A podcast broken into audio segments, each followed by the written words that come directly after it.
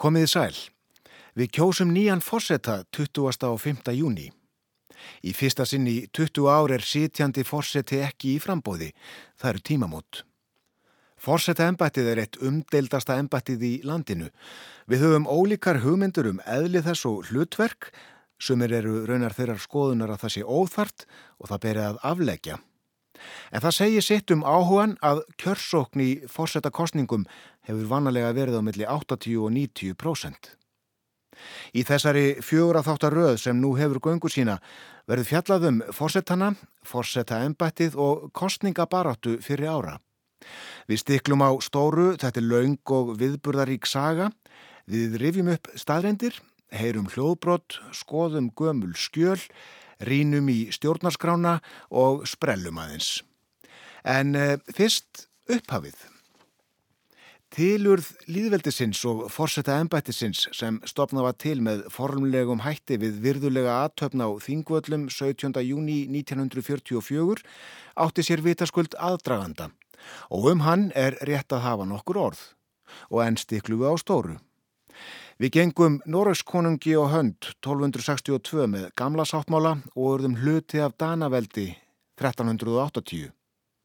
Miklu síðar um og eftir 1830 var líðræðisvakning í Evrópu og ströymarnir bárust til Íslands. Fjölnir og ný félagsritt hófu göngu sína. 1845 var alþingi endurist sem ráðgjafarþing.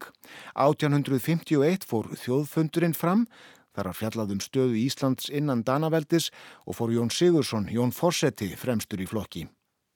1874 á þúsund ára afmæli Íslandsbyggðar fekk þjóðin stjórnarskráum málefni Íslands, hinn sérstaklegu málefni Íslands eins og það var orðað.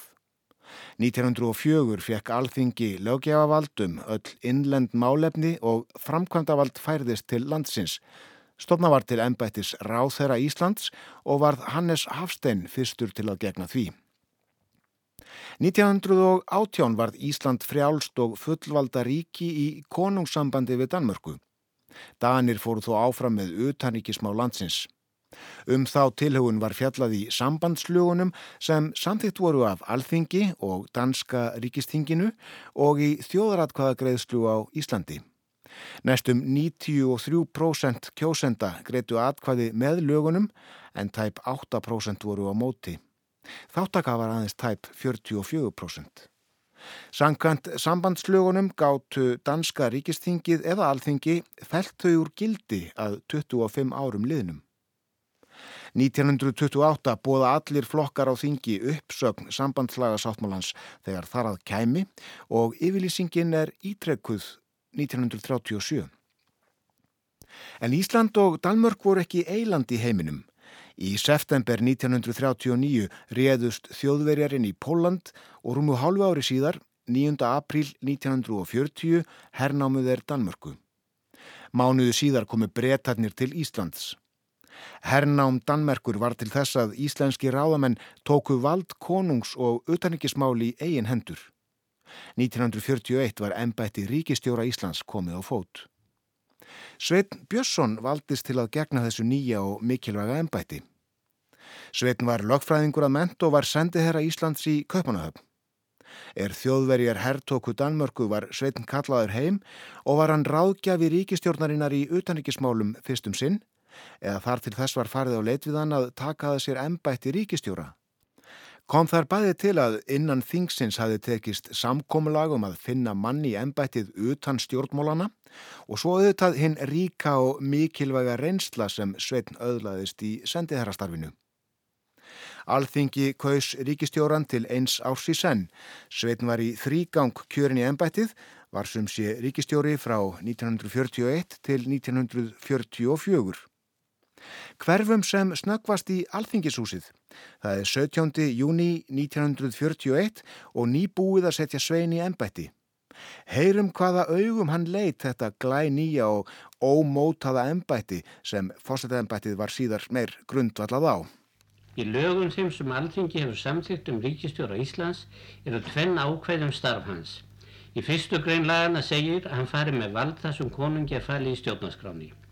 Í nýjöndu grein lagana segir ríkistjóri er ábyrðarlaus af stjórnaratöfnum, hann verður ekki sóttu til refsingar nefnir samþykja alþingis. Öllum almenningi er það kunnugt hvert vald konungi er falir í stjórnaskráni. Af ábyrðar frelsinu um stjórnaratöfni leiðir að minniskuðum það að ríkistjórun verður að gæta þess vandlega að gera ekki neitt það í stjórnaratöfnum sínum sem telja mætti með réttum misnotkun þessa ábyrðarfrelsis. Hann verður á sérstaklega gæta þess að vika ekki af þeirri braud sem þeim manni ber að þræða sem falið er æðsta valdið samkvæmt viðurkendum venjum nútímas í líðræðist ríki þar sem þetta æðsta vald er þingbundið. Ég hef þann ásetning að reyna fullnægja þessum kröfum eftir því sem ég hefi hæfileika til. Það er á ásetningu minna forðast á allan hátt að vekja sundrung en reyna að stöðla að sem mestum einhug íslensku þjóðarinnar að því að til minna kasta kann að geta komið. En framar öllu öðru líti á starmissum þjónustu. Þjónustu við heilla hag íslensku þjóðarinnar, þjónustu við málsta Íslandinga, hvað sem framöndan kann að vera. Það er því ásetningu minn að leggja fram alla krafta mína andlega og líkamlega til þess að svo þjónusta megi verða landi mín og þjóð til sem mestra hylla. En mér er ljósta ásetningun einn nægir ekki. Því byrju höfum tilverunar, hans um ábæði ríkið máttin og dýðina, að gefa mér okkur öllum þann styrk, það þól og þann kjark sem okkur er öllum nöðsulegur og ég byrð hann að gefa mér kærleika og auðmygt svo að þjónusta mín megi verða Íslandi og íslensku þjóðin til góðs. Guð blessi Ísland og íslensku þjóðina. Sveit Björnsson. Sambandið við Dani var vitaskuld í deiklunni alla ríkistjóra tíð Sveins og Íslandingar, svo að segja allir, þeirra skoðunar að landið ætti að vera með öllu sjálfstætt. Spurningin var aðeins hvernig og hvenar slíta í formlegum tengslum við Danmörku. Sumir vildu sína dönum og ekki síst Dana konungi þann sóma að býða þar til stríðinu líki en það töldu þeir óeðlilegt og óviðegandi að slíta tengslunum einhliða á meðan Danmörk væri undir járnhæl Hitlers. Sveitn var í þeim hópi. En miklu fleiri voru hins vegar þeirrar skoðunar að slítabæri sem allra fyrst, líkt og síndi sig í þjóðratkvæðagreðslu í mæmánuði 1944, þar sem greitt voru atkvæði með eða á móti afnámi sambandslaga samningsins og stjórnarskrá líðveldisins Íslands. Svo að segja allir Íslandingar voru með. Líðveldið var svo stopnað á þingvöllum 17. júni 1944 og fyrsti forseti Íslands kjörinn samkvæmt því sem nú hefur greint verið lýsi ég yfir því að stjórnarskrá líðveldisins Íslands er genginn í gildi. Við líðveldisstofnunina á Þingvöllum 17. júni 1944 var Sveit Björnsson ríkistjóri kjörinn fórseti Íslands. Alþingi kaust til ennbættisins til eins árs en að því liðnu skildu fara fram almennar kostningar. Það var svo að segja sjálfgefið að sveitnirði kjörinn. Eftir þrjú ári ennbætti ríkistjóra og þar áður samtals 19 ár sem sendi herra Íslands í Kaupanahöfn var hann að flestra mati nánast sniðin í fórsetta ennbættið. Á þessum tíma var alþingi skipað 52 þingmönnum en 50 voru mættir á þingfundin á þingvöllum. Af þeim kusu 30 Svein Björnsson, 5 greitu Jóni Sigursinni frá Kaldaðarnesi, skrifstústjóra alþingis atkvæði en 15 skiluðu auðu. Úslitin komu mörgum á óvart. Ekki það að sveit skildi kjörinn, heldur hitt að 20 þingmenn skildu ekki greiða honum atkvæði sitt. En tvent kom til. Í það minnstaðir varðaði hluta hópsins. Í ríkistjóratíðsinni hafði Sveit Björnsson hlutast til um myndun utanþingstjórnar sem einmitt var við völd í landinu 17. júni 1944. Sú ráðstöðun hafði á sínum tíma mætt talsverðri andstöðu í þinginu þótt umtalsverðar tilraunir til myndunar þingræðistjórnar hefðu mistekist. En að þeirri ástæðu töldu einhverju þingmenn sig ekki geta stutt svein. Hitt kom líka til að hann var í fararbrotti svo nefndra lögskilnaðamanna þeirra sem vildu fara hægt í sakirnar í sambandslitunum við Danakonung og alls ekki efna til þeirra meðan Danmörk var hernuminn og konungur gatt sig hverki hrært. Einhverjir þingmenn töldu þá afstöðu hans sem sagt frágangssök. En hvaðan um það, Sveitn hlaut mikinn meiri hluta atkvaða og var réttkjörinn fyrsti fórseti Íslands. Hverfum aftur til Þingvalla við heyrum meðal annars fyrstu orð fyrsta fórseta Íslands. Ég byrð Þingheim allan að árna Íslandi og fórseta þess allra heilla með því að rópa hverfald hurra. Ísland lifi, fórsetin lifi.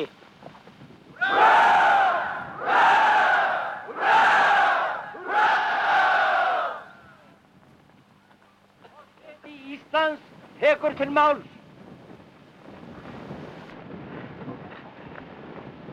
Hæstvirti alþingisforseti, háttvirtu alþingismenn.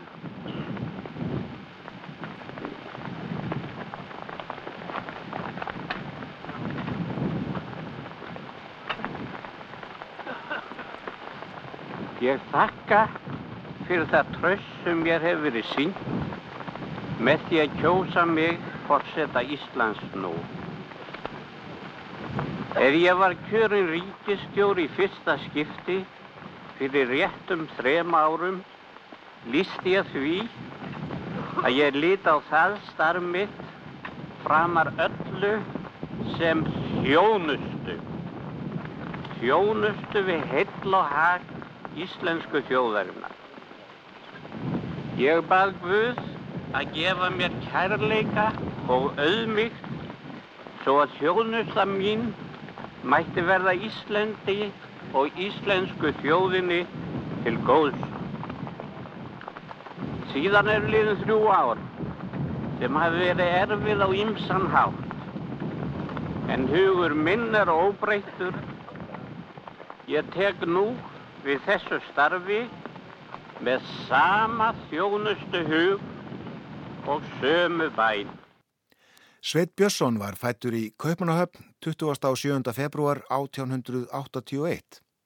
Hann lög stúdensprófi árið 1900 og lögfræðiprófi frá Kaupanahafnarháskóla árið 1907.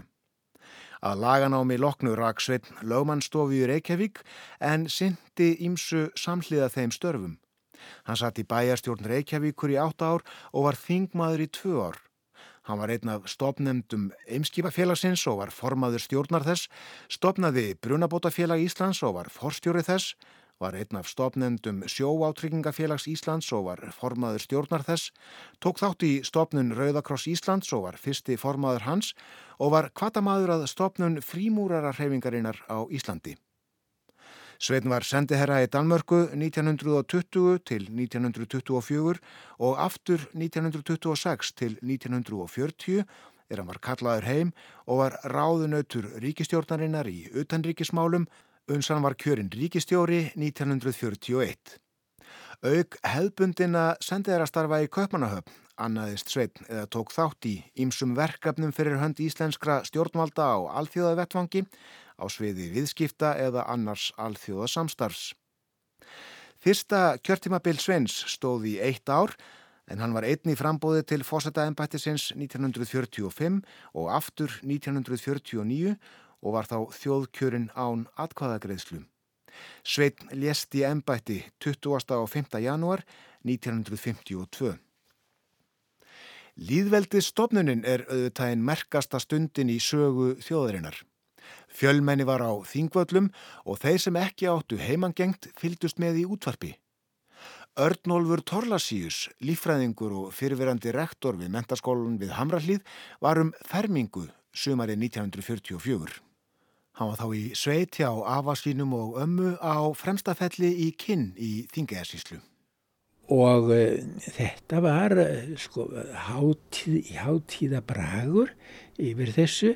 Ég mann til dæmis eins og ég nefndi við þig að, að, að flestir uh, bændur þeir keftu sér flagstöng og litur setja upp og ég manna aðvilið setja flagstöng þarna þá var nokkuð það sem bar nokkuð hátt rétt hjá bænum og var keftur í, í íslenskur fánu sem passaði að stærð við, við hæðstangarinnar og það kom í, í minn hlut að draga upp og niður stöngina sem var náttúrulega því að ég hafi verið í, í, í einhverju skátafélagi og, og vissi hvernig átt að brjóta saman átt að fara með fána og hann mátti, hann mátti ekki koma við jörð eða neitt þess að þar og bróður minn sem var, var nú miklu yngri hann stóð hjá og, og heil, stóð og svona gaf il, ilvinga hverju á meðan, meðan við fór, þetta fór fram.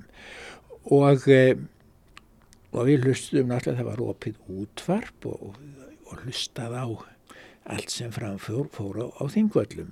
E, sumt mátti ekki nefna sko það mátti ekki tala um veður í, í útvarpið á strísarunum það var mjög stífar reglur með það frá, frá hernáms yfirvöldum að þeir vildi ekki að væri minnst á hvernig viðræði hér. E, það var eins og þeir heldu að Abver eða einhver þessi þíska njósnarstöfnun hefði hér Eh, hlustaði á útverfið eða, var í áskrifanda morgunleðinu en Helgi Hjörvar leisti þetta á mjög snirtvegan máta því hann lísti fánaborginni sem að skreitti þingstaðinn og sagði svo fánarnir eru laugaðir tárum heimins og það náttúrulega skildu allir það nema, nema, nema ekki sennilega hvorki þjóðverðinni brettar sem voru að hlusta á Örnólfur Tólasíus reyfiði upp sögur úr sveitinni sömarið 1944.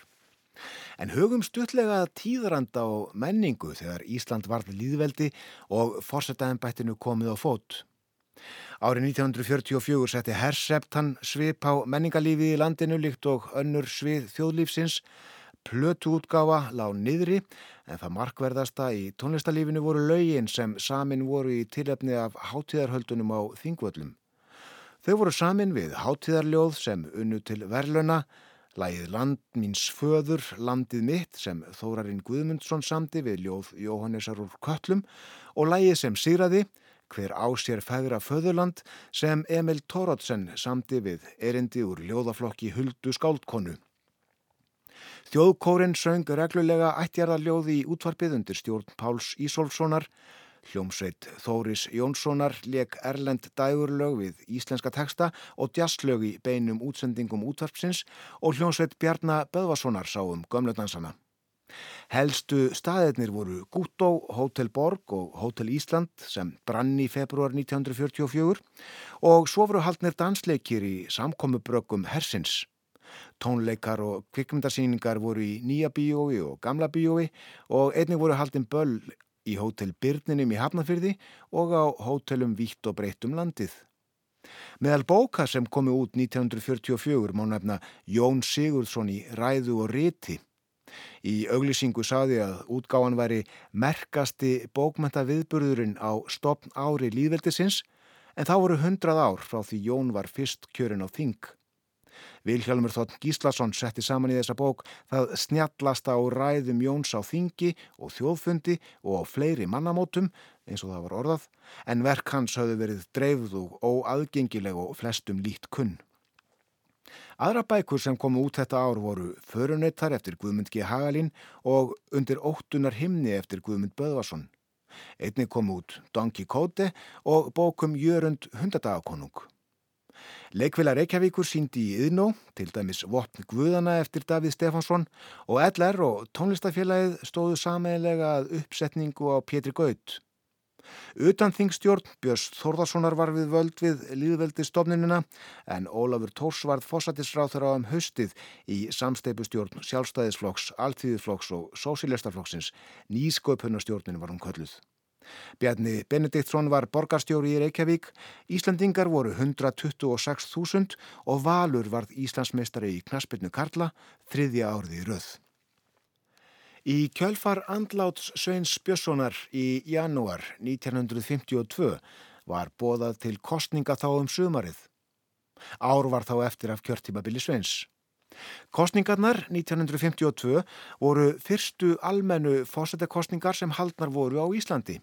Alþingi kaus Svein Björnsson í ennbætti 1944 og hann var þjóðkjörinn 1945 og 49 án atkvæðagreyslu þar sem ekki barst mótframbóð. Það hljómar ankanalega í dag en vilji fórustumanna stjórnmálaflokkana stóð til að ekki yrði kosið 1952. Þeir reyndu að ná samkomulagi um nýjan fósetta sem þjóðin geti saminast um en tilraunir þar að lútandi fóru út um þúur. Slikt var ekki reynd aftur síðar.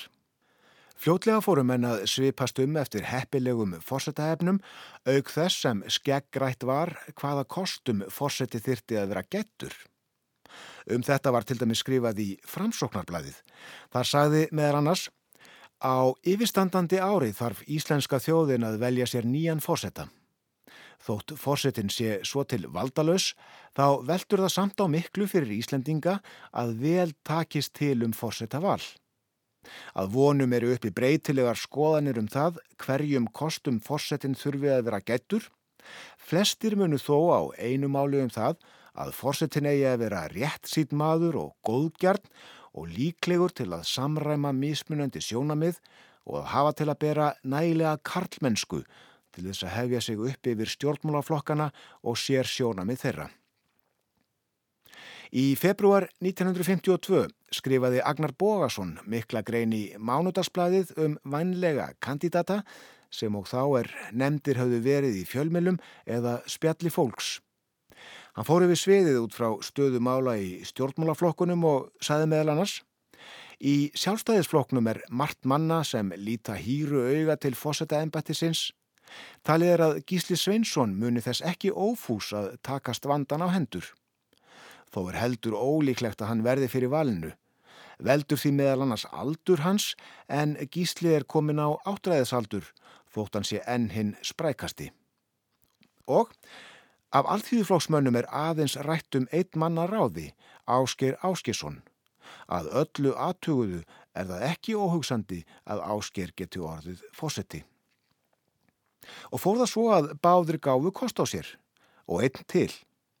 Þannig var að fórustumenn sjálfstæðisflokks og framsóknarflokks sem þá mynduðu ríkistjórn gátt ekki með nokkru móti felt sig við þá Ásker og Gísla og leituðu logandi ljósi að manni sem geti orðið þeirra frambjöðandi. Staðnandust þeir við sér að Bjarnar Jónsson domkirkjuprest sem fjælst á málaleitanina og gaf kost á sér. Kostningabaráttan 1952 verður ekki rakin hér en hún var afskaplega hörð. Flokkarnir og flokksblöðin mæriðu sína menn og hömuðu skegn hinnum. Hlutetin gengu öðruvísi fyrir sig í þá daga, kosi var á sunnudegi en atkvæði talin á þriðudegi byðin eftir úslitunum var laung. Í æfisögu Áskers Áskerssonar sem Gilvi Gröndal tók saman og gefin var út 1992 er sagt frá því að við upphaf talningar var Ásker heima hjá dóttur sinni og tengdarsinni, Völu Áskersdóttur og Gunnari Tórótsen borgastjóra. Atkvæðin voru lesin upp í útvarpinu jafn óðum og þau bárust. Frá upphafi hafði Ásker yfirhöndina en forskot hans var nömt. Er líða tók á helt ásker heimtil sín á Hávallagötu 32 og fyldist með þar. Talningu atkvaða laug liðlega hálf nýju um kvöldið og þá var endanlega ljóst að Ásker Áskersson yrði næsti fórseti Íslands. Hlut Ásker 47% greitra atkvaða, Bjarni 44% og Gísli 6%. Aðeins munaði tæpum 1900 atkvæðum á Áskeri og Bjarnar. Þegar úslitt voru ljós sapnaðist mannfjöldi við heimili áskes og eiginkonu hans, Dóru Þoraldsdóttur og hildi þau þar sem þau stóðu á svölum efri hæðar húsins og veifuðu. En við förum niður á alþingi, við eh, heyrum brot úr eh, innsetningaræðu áskes. Íslandingar og erlendir fulltrúar með auðmíkt og bæn um vit og styrk teki við þessu háa embætti sem var laust við fráfall hins fyrsta íslenska forsetta þeirra Sveins Björnssonar. Ég þakka hæstvirtum forsetta hæstaréttar og handhöfum forsetavalsins og öllum almenningi árnaðar og blessunar óskir. Ég þakka þeim sem hafa sínt mér tiltrú og öllum þeim sem að nú vilja styðja mig í samstarfi af því marki sem við öll keppum af heil, heiður og hamingju íslensku þjóðarinnar. En hver var Ásker Áskersson? Ásker fættist á Kóranesi á Mýrum 13. mæ 1894. Hann lög stúdensprófi 1912, prófi í Guðfræði frá Háskóla Íslands 1915 og stundaði framhaldsnám í Köpunahöfn og Uppsölum. Starsferill Áskes var að sönnu fjölbreyttur. Skemmtilegt er að sjá í æfi ágripi hans á vef alþingis að hann kendi sund í Vestmanægjum sömurinn 1914 og 1915. Að Guðfræðinámi loknu varð áskir biskupsritari og gengdi því starfi í eitt ár er hann ríði sig til landsbankansum hríð. 1918 varð hann kennari við kennaraskólan þar sem hann starfaði til 1927. Áskir var kjörn á þing fyrir framsóknarflokkin 1923 en sagði sig úr flokknum 1934 og var þingmaður utan flokka til 1937 er hann gekk í alþýðiflokkin. Sat hann á þingi samfleitt frá 1923 til 1952 og var fórseti saminjast þings 1930 til 1931. Samhliða þingmennsku gengdi hann ennbætti fræðslumálastjóra allt til ársins 1938 með hliði þó 1931 til 1934 þegar hann var fórsatis og fjármálaráþra. 1938 var hann ráðinn bankastjóri útvegsbankans. Þegar Áskir var kjörinn fósetti 1952 var hann sumsíðisenn þingmaður og bankastjóri. Í krafti þingmennskunar satt Ásker í ýmsum nefndum og stjórnum. Hann var í stjórn Þingmannasambands Norðurlanda, viðskiptanemndum við Bandaríkin og Bretland og í samlingarnemnd utanríkisviðskipta. Hann var í gælderiskaupanemnd og gengisnemnd, satt Bretton Woods fundin í New Hampshire í Bandaríkunum 1944 og var í framhaldinu fulltrúi Íslands í stjórn alþjóða gældurisjóðsins. Þá satt hann tvö allserjarþing saminuðu þjóðuna. Áskir var í nendinni sem að undibjó alþingisháttíðina 1933 og nendinni sem undibjó líðveldisháttíðina 1944. Hann var líka í rapseranemnd. Áskir Áskirsson var endukjörinn fósitt í Íslands án atkvaðagreðslu 1956, 1960 og 1964. Hann var því fósetti í fjögur kjörtímabil 16 ár. Alls var ásker í þjónustu almennings, kjörin af almenningi í 45 ár. Hekki að það sé met en vil þó ekki fullir það. Á langri fósettatíð fjallaði áskerauðu það um eitt og annað í ræðu og riti Grípum niður í ræðuðans við setningu alþingis haustið 1959 en kosi var í tvígang það ár vegna stjórnarskrárbreytinga. Sama dag og þingva sett tók ríkistjórn Ólafs Tós viðreysnastjórnin við völdum af minnihlutastjórn Alþýðiflokksins sem starfaði undir fósætti Emils Jónssonar. Þessi orð fósættans eiga sjálfsagt jafn vel við nú og þá. Eins og oft vil verða og ekki síst nú þá býða alþingis íms mikils verðmál og mjög mandasum viðfánsefni. Stjórnmálabaráttan er háð á vettvangi líðandi stundar og margt orkar tvímælis áður en að nokkur reynsla eru komin á þær úrlausnir sem að þing og stjórn veitir. Hjá þessu verður ekki komist en þó geta allir tekið undir þá ósk að deilum sé haldið í þeim skefjum sem að þjóðar heimtar. Góður vilji orkar þar miklu um, farsæleg málalokk og það er ósk mín og von að störf þessa þings og stjórnar megi verða allir gæfu og gengis fyrir land og líð. Áskir Áskirsson við setningu alþingis 20. november 1959. En hugum að tíðrandanum þegar Áskir tók við fósitæðinbættinu 1952. Tvö ár voru liðin síðan þjóðleikhúsi var tekið í gagnið og meðal síninga voru Brúðuheimilið eftir Íbsen, Sulumaður Deyr eftir Artúr Miller og þess vegna Skiljum við eftir Guðmund Kampan. Leikvila Reykjavíkur síndi meðal annars ævintýri á gönguför. Danslagakeppni Skemtiklúps Templara, SKT, var haldin í þriðasinn og íslenskir tónar gaf út nýjar íslenskar danslagaplötur. Littla flugan eftir Sigfús Haldásson hljómaði í fyrsta sinni í útvarpstætti og varð vinsal á augabræði. Gúttó og Hotel Borg voru helstu staðirnir en líka Ingólfskaffi, Breiðfyrðingabúð og Þórskaffi.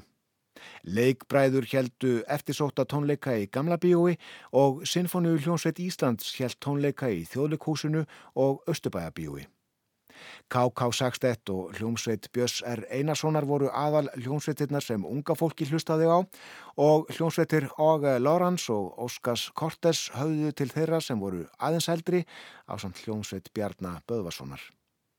Meðal vinsalustu dægulagana voru Littaflugan, Manstu gamla daga, Glingló og Nótt í Allavík. 1952 komu út bækurnar Tengdadóttirinn eftir Guðrúnu frá Lundi og Gerpla og Heimann ég fór eftir Haldur Lagsnes. Einnig Adda Trúlofast eftir Jennu og Reyðar Stefánsson og Jörði Afríku eftir Karin Bliksen. K.R. varð Íslandsmeistari í fótbolta, Íslandingar voru 146.000, Gunnar Tórótsen var borgarstjóri og Steingrímur Steinforsson fósættisráð þeirra í ríkistjórn Framsóknarflokks og Sjálfstæðisflokks.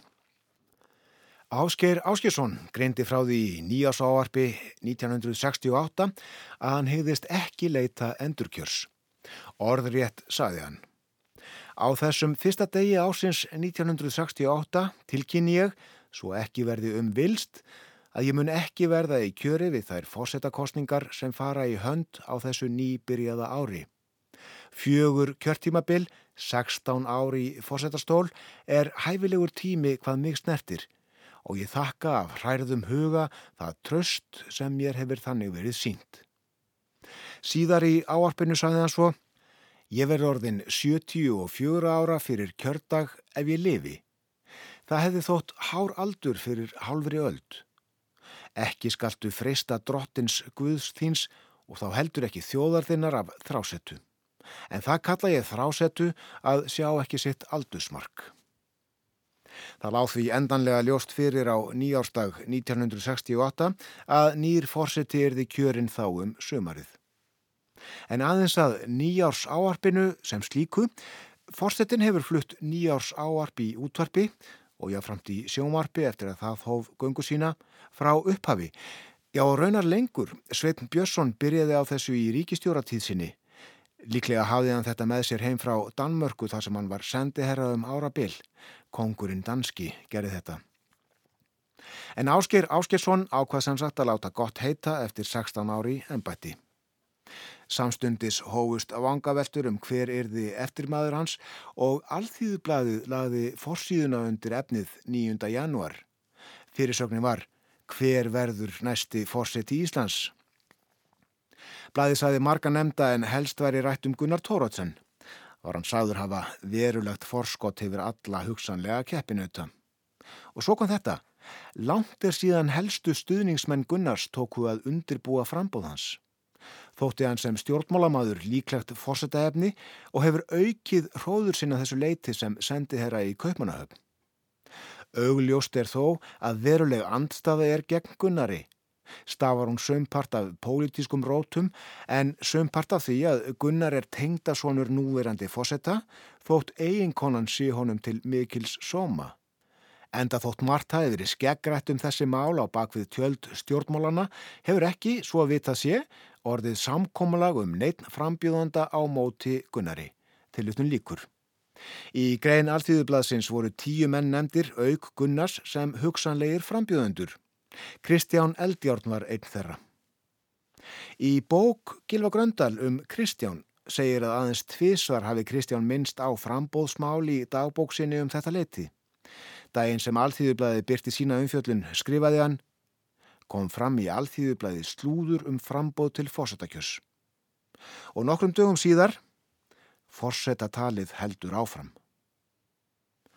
12. janúar byrti vísir niðurstöður skoðanakonnunar þar sem ringt var í 100 kjósendur og þeir spurðir hvert þeir vildu í fósetaðenbættið. 57 voru óákveðnir en 31 sagði Gunnar Torótsen. Átta aðrir voru nefndir og þar á meðal Kristján Eldjárn. Einn aðspurðra sagðist vilja hann. Þótt ímsir veru nefndir sem vænlegir fórsetar eða líklegir frambjúðendur fór það svo að aðeins Gunnar Tórótsen og Kristján Eldjórn gáðu kost á sér. Kristján tilkynntu um frambóð 18. mars en Gunnar fjórum dögum síðar. Kostningabaróttan var lifandi og fjörug en Kristján naut mun meiri hilli en Gunnar. Hann hlaut 65% greitra atkvæða en Gunnar 34%.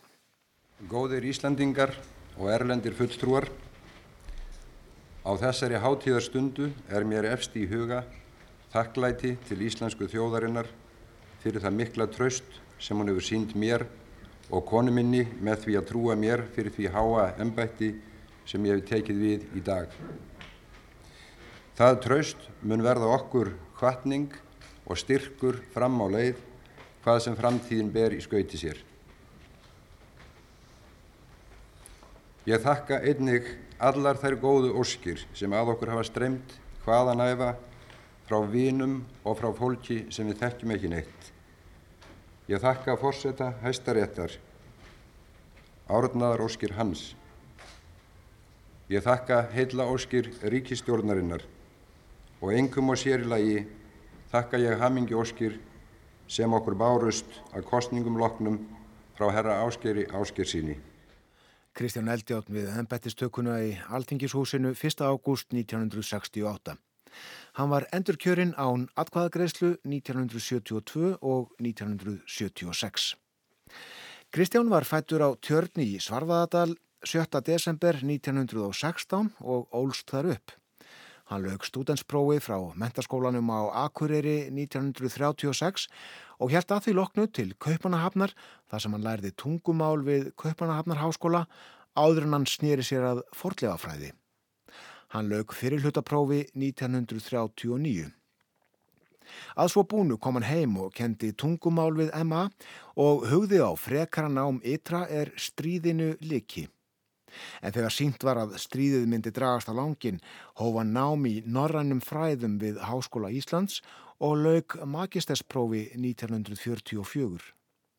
Kristján starfaði á þjóðminjasafninu sem þá var til húsa í safnahúsinu við hverjusgötu og varð þjóðminja vörður 1947. Safnið flutti í núverandi húsakinni 1950. Kristján varði doktorsritgerð sína Kuml og haugfjö í heðinum síð á Íslandi við háskólan 1957. Samhliða störfum sínum við þjóðmínasafnið skrifaði Kristján bækur og fjölda greina um forlefafræði, hann hjælt fyrirlestra og annaðist sjónvarsþætti um efnið. Kristján Eldjárn lést 14. september 1982. Árið 1968 þegar Kristján var fyrst kjörin í ennbætti var áhrifa hippamenningarinnar tekið að gæta á Íslandi og þá ekki síst í tónlistinni. Begge vegna Allandshafsins hafði ungt fólk látið til sín taka, í bandaríkjunum var Vietnamstríðinu mótmælt og í Evrópu reys ungt fólk upp gegn stöðnun og forpókun. Flowers fóru til London og tóku upp fjóralaga plötu með lögunum Glugginn og Slappaðu af og emt var til hljómsvitakeppni þar sem hljómar Flowers og óðmenn keftu, hljómar Sigruðu. Haldin var útiháttið í Saltvíkum miðan ágúst þar sem hljómar Rooftops og Tricks skemmtu, hljómar rændu Seti Óens úr óðmönnum og sönguninn á aðra stóru plötuna sem hljómar sendu frá sér fyrir jólinn í tilefni af fimm ára afmæli sveitarinnar. Helstu skemmtistæðirnir voru Glömbær, Breðfyringabúð, Lító, Sigtún, Ingólskaffi, Hótel Borg, Þórskaffi, Röðull og Súlnasalur Hótel Sögu. Síðan voru stapinn í Njarvík, Ungó í Keflavík og Hlegarður í Mosfellsveit. Að vinsalum lögum má nefna Blómið eftir Karl Sigvardsson, Undarlegt með unga menn sem Rúnar Gunnarsson söng og hljómalögin Ég elska alla, Lífsgleði og Ástarsælu. Af öðrum toga voru bátarnir á fyrðinum út í Hamburg og Barn eftir Rakabjarnar. Haldur Lagsnes sendi frá sér kristnihald undir Jökli og Ólafur Jóhann Sigursson litbriði jarðarinnar. Fljótt fljótt saði Fugglin eftir Tór Vilhjálmsson kom út í hygg að það sé hans fyrsta skáltsaga. Við erum morðingjar eftir Guðmund Kampan var á fjölum þjóðleikúsins og líka Bangsimon og Delirium Búbónis. Leikvilag Reykjavíkur síndi sumari 37 eftir Jökul Jakobsson og Hettu Gabler. K.R. varð Íslandsmeistari í fótbolta, Geir Hallgrímsson var borgarstjóri og Bjarni Benediktsson var fósættisráþura í viðreistnastjórninni sem sjálfstæðisflokkur og alþýðuflokkur stóðu að. Íslendingar voru 200.000, hæri umferðin var tekin upp og sundlegin í laugardal opnið. Við segjum þetta gott af fórsetum í byli. Meira síðar, verðið sæl.